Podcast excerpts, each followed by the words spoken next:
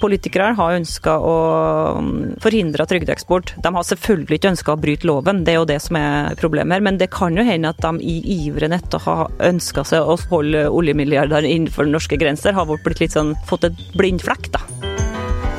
Jeg heter Emilie Hall Torp, og det blir mer om Nav i Verdens gang.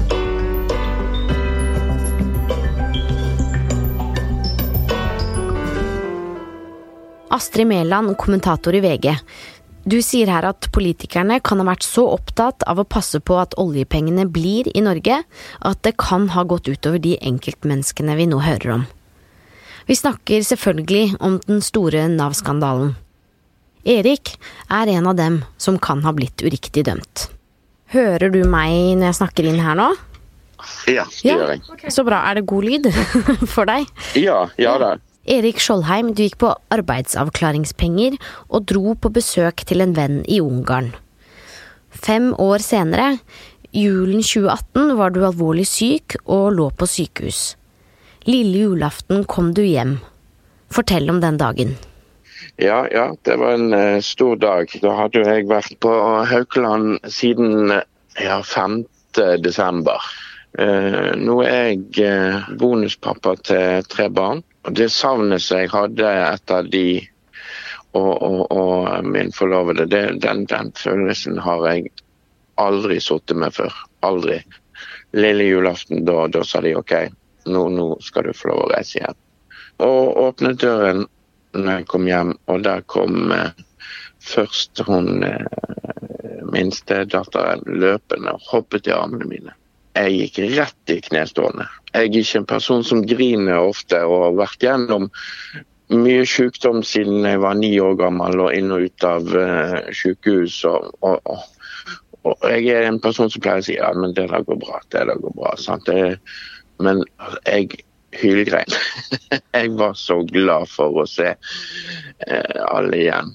Og, og uh, rett i armene på min samboer. og kom inn i stuen, og, og der satt jo da eldste eh, sønnen og, og, og så mellomste.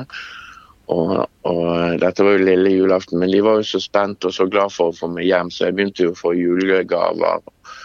Og hun ene hadde laget, altså hun mellomste hadde laga en kopp til meg så sto pappa med hjertet rundt. det var jo helt fantastisk. Men så sa eh, da min forlovede at du, du kan gå gjennom posten nå før, eh, før vi eh, slår oss helt til ro og sånn. Så jeg satte meg inn på soverommet vårt og satte meg ned på sengekanten og gikk gjennom posten. Og der så jeg et brev som uh, sto politiet på. Hva, hva kan dette være? Eh, sånn skikkelig klump i magen. Altså, det er jo ikke noe man er vant med å få i posten. Eh, og så åpner jeg dette brevet og ser at dette gjelder den Nav-saken. At jeg er innkalt til, til retten, og, og, hva jeg er siktet for, og hva strafferammen er. Og Da sto det da grovt bedrageri, en strafferamme på seks år. Og så sto det for um, falsk forklaring to år. Og, og så sto det også sånn eh, Hvis du ikke møter, eh, så kan det komme en politimann og hente deg på døren. Altså det, det, det sto så mye som jeg ikke er vant med å lese. sant? Og, og, og, ble kjemperedd. Altså, det, det, det kneip i magen jeg begynte jo med en gang å se for meg scenarioer i hodet. sant? Altså, Skal jeg sitte åtte år i fengsel? Altså, Hvor stor sannsynlighet er det for at jeg skal sitte åtte år i fengsel? Når skal jeg inn i fengsel? Altså, det, eh, Hva skjer med familien min? Jeg har jo nyresvikt, sant? og jeg har vært syk siden jeg var liten. sant? Og nå skal jeg nyretransplanteres og endelig kanskje kan få noen friske år. Sant? Men en ny nyre ikke gitt å vare så veldig lenge. Skal jeg sitte i fengsel hele den tiden jeg faktisk er frisk? Altså, altså Det var så masse som svirret i hodet på meg. Uh, og, og, man har jo kanskje litt lett for å, å Når man ikke kan sånne ting, sant, å krisemaksimere det. Selv om det, det var såpass ukjent for meg at, at jeg, jeg, visste faktisk ikke hva jeg skulle tro.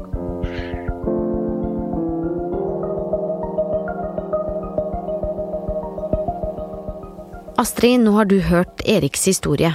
Hva tenker du om den? tenker jo at det høres ut som han skulle ha fått lov til å forre til Ungarn med arbeidsavklaringspengene, og at han aldri skulle ha blitt eh, innkalt til rettssak og sikta for trygdesvindel. Um, for slik som vi har fått fram nå de siste, siste uka, så viser det seg at det er myndighetene som har gjort feil i sju år, og han har hatt rett. Alle har lov til å ta med seg Eh, eh, disse ytelsene over eh, grensa innenfor EØS, så framt de oppfyller forpliktelsene sine om aktivitet eller behandlingsopplegg som, som Nav eller andre har lagt opp til. Hva vet vi om hvor mange som er rammet av dette? Jeg tror ikke vi har fått oversikt i det hele tatt. Nå er det jo 48 straffesaker, og så er det 2400 mindre saker som Nav snakker om. Eh, men eh, Nav sjøl har jo sagt at de eh, sliter med statistikken sin, sliter med å søke opp alle som har blitt feilbehandla. Dessuten så kan det jo hende at dette er en sak som går lenger tilbake enn 2012, som er det vi forholder oss til nå. Det er jo en del eksperter som har stilt spørsmålet med om det kan gå tilbake til 1994, da Norge tilslutta seg EØS. I debatten rundt oss nå så hører vi mye snakk om trygdeeksport. Eh, det virker som det er ganske bred politisk enighet om at Norge ikke vil at våre trygdeytelser skal tas med ut av landet. Men vi er medlem av EØS, så det er jo lov. Hva er det egentlig politikerne da ønsker? Alle disse årene som har gått, så har den politiske gevinsten ligget i og sagt at vi må stramme inn på eksport av trygdeytelser. Altså det at man har rett til å ta med seg forskjellige ytelser over eh, norskegrensa til andre EØS-land. Um, hele veien så har vi eh, på en måte godtatt at pensjonister i Spania og uføre i, eh, i Tyskland kan få med seg mm, trygdeytelsene sine. For det er jo folk som eh, uansett neppe skal jobbe.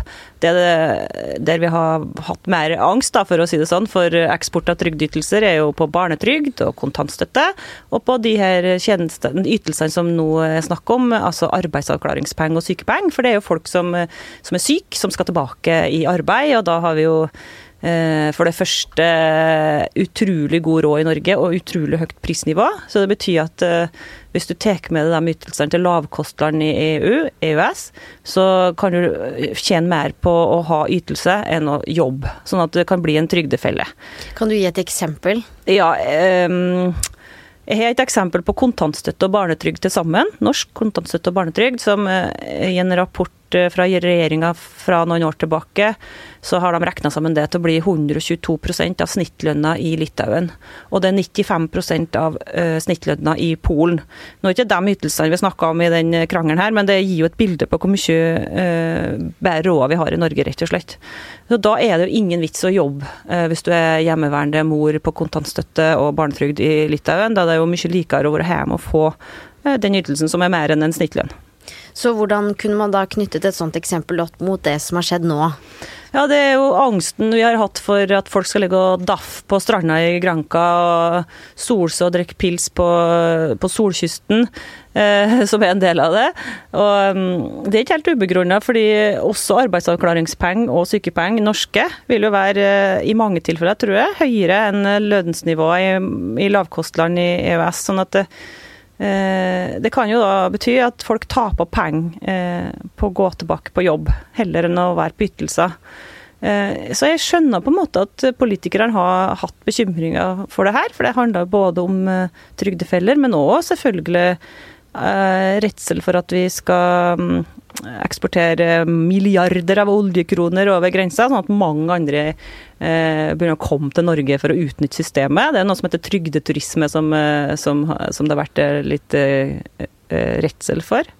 Så er det jo det at eh, Norge har gode ordninger når det gjelder rehabilitering, medisinsk behandling, arbeidstrening, aktivitet som ofte er knytta til ytelsene, som gjør at det er i hvert fall poenget er at folk skal komme tidligere tilbake i jobb, bli friske.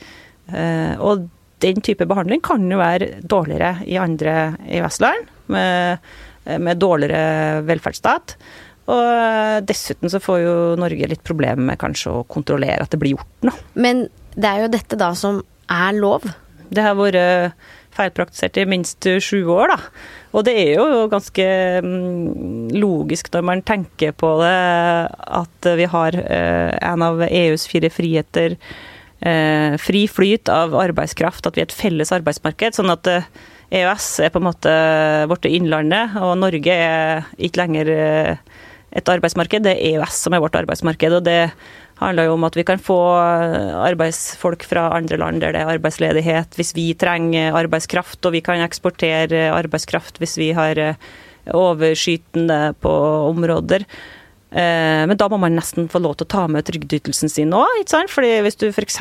da bor i Spania, så pendler til Norge, og så blir du syk, så, så, er det jo absurd hvis du skal måtte leie deg en hybel i Oslo bare for å få sykepengene dine. Sånn at uh, hvis ikke trygdene kan eksporteres, så er det mindre fri flyt av arbeidskraft.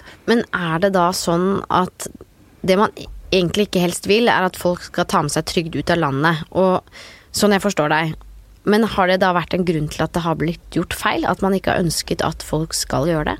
Nå gjenstår det å se hva som har skjedd der, for det er fortsatt et mysterium for meg hvorfor vi har feiltolka lovverket så lenge. Men, men, det er klart at en ansatt i Nav eh, ville jo aldri fått noe stor applaus hvis han har begynt å eh, sagt eh, for noen år siden at eh, folkens, vi, vi, må eksportere, vi må sende ut arbeidsavklaringspenger og sykepenger til utlandet. Det er vår plikt.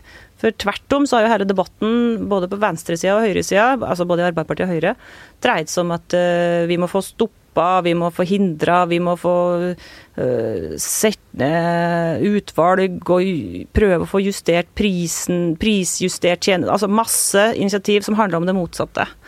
Uh, og særlig den blå-blå regjeringa, da det gikk på i, i 2013 så hadde jo en plattform der de satsa stort på å hindre trygdeeksport. Det sitter jo jurister i Nav hver dag og behandler disse sakene. Hvordan kan de ha latt være å se dette? Jeg syns ikke det er så rart, fordi eh, Nav er jo digert. Og eh, det er jo ikke Nav-ansatte som driver og tolker loven, de forholder seg til folketrygdloven. Og i folketrygdloven, kan slå opp der i dag òg, så står det svart på hvitt. Sykepenger, det må du oppholde i Norge for å få, eh, som en hovedregel. Arbeidsavklaringspenger og pleiepenger, det samme. Du må være i Norge for å få det, med visse unntak. Eh, det står ingenting i den loven om noen EØS-regler. Så der har jo folk bare forholdt seg til loven. Alle ansatte i, i Nav har gjort det. Og det som skjedde som var feil, var jo at uh, i 2012, da vi fikk en ny trygdeforordning i Norge, uh, så, så glemte Eller så feiltolka departementet den, og det ble ikke tilført noe i loven. Men i andre lovverk, der EØS-reglene trumfa norsk lov, så står det uh, pekt på EØS-regelverket. Og da, Hvis du slår opp i lovverket, da, så vil enhver saksbehandler se at oi, da må jeg sjekke EØS-regelverket. Det var det jo ingenting, eh, ikke et hint om det i, i folketrygdloven. Så for uh, saksbehandlere og jurister og sånn i andre saker og felt har på en måte en pekepinn på obs, obs, her gjelder også andre regler, mens i Nav har det bare stått det norske regelverket? Ja. Og slik kan det være i andre lovverk òg, altså. Det har ikke oversikt over. Det er sikkert mange plasser at EØS-retten eh, trumfer norsk lov. Eh, men da er egentlig det som skulle ha skjedd i 2012, var at det ble innført å skrive i lovverket, sånn at en kan slå det opp og få oversikten. Det kalles jo den største skandalen i, i nyere historie. Hvorfor er det ingen som har gått enda, eller måttet ta ansvar her? Ja, det Eh, kan jo hende at det er noen som må gå etter hvert. Nå er det jo flere forskjellige granskninger som skal eh, settes i gang, sånn at vi finner ut hva det er som har gått galt. Men det her er en så utrolig omfattende skandale der hele den norske toppeliten er involvert. Eh, Riksadvokaten, regjeringsadvokaten, UD, Arbeidsdepartementet, Stortinget, alle mulige utvalg. Alle har jo tenkt at det her var riktig. Så det er kanskje slik eh, arbeidsminister Anniken Hauglie kan berge seg òg, fordi hun har gjort en kjempetabbe. Innrømmer det, legger seg flat, sier unnskyld. Men har jo alle andre gjort òg. Um, ehm, og når jeg var på Stortinget etter redegjørelsen til Anniken Hauglie her om dagen, så strømma opposisjonen ut i vandrehallen etterpå, og jeg begynte å prøve å snakke med dem om hva de syntes om det her. og Det var forsiktige reaksjoner, ikke sant? fordi at de sjøl har sittet i regjering. De rød-grønne satt jo i regjering da trygdeforordninga ble eh, innført, og gjorde feil. Og de har jo sittet og vært med på det her alle sammen hele tida. Sånn at de er redd for å bli dratt med i dragsuget. Så det, eh, de, de, slår på tromma, men bare den der mellomtromma, ikke på stortromma. Men det har jo også kommet kritikk eh, fra 2018 2018 og fram til nå, etter hvert som man oppdaget at dette var en feil. Folk har blitt eh, dømt og også satt i fengsel i perioden hvor man har visst at det har vært en feil. Hvis man isolerer det som en epoke, ja. der kan man vel enklere peke ut hvem som har visst hva og må ta ansvar? Ja, det har du rett i, fordi Anniken Hauglie har jo to ting om å oppklare. Hvordan det ble feil i utgangspunktet i 2012. Og hva som skjedde etter at hun før jula 2018 fikk vite om uh, denne skandalen. Og nå vises jo at uh, folk slapp ut av fengsel i helga. Vi hører den historien som dere har brakt her nå.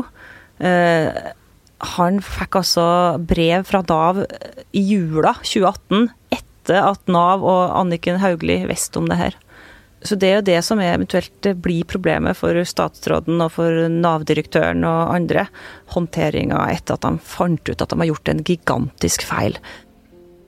Altså, Advokaten min jeg syns han var kjempeflink. Jeg, altså. jeg, eh, jeg, eh, jeg har ikke et vondt ord å, å, å, si om han på noe selvs måte.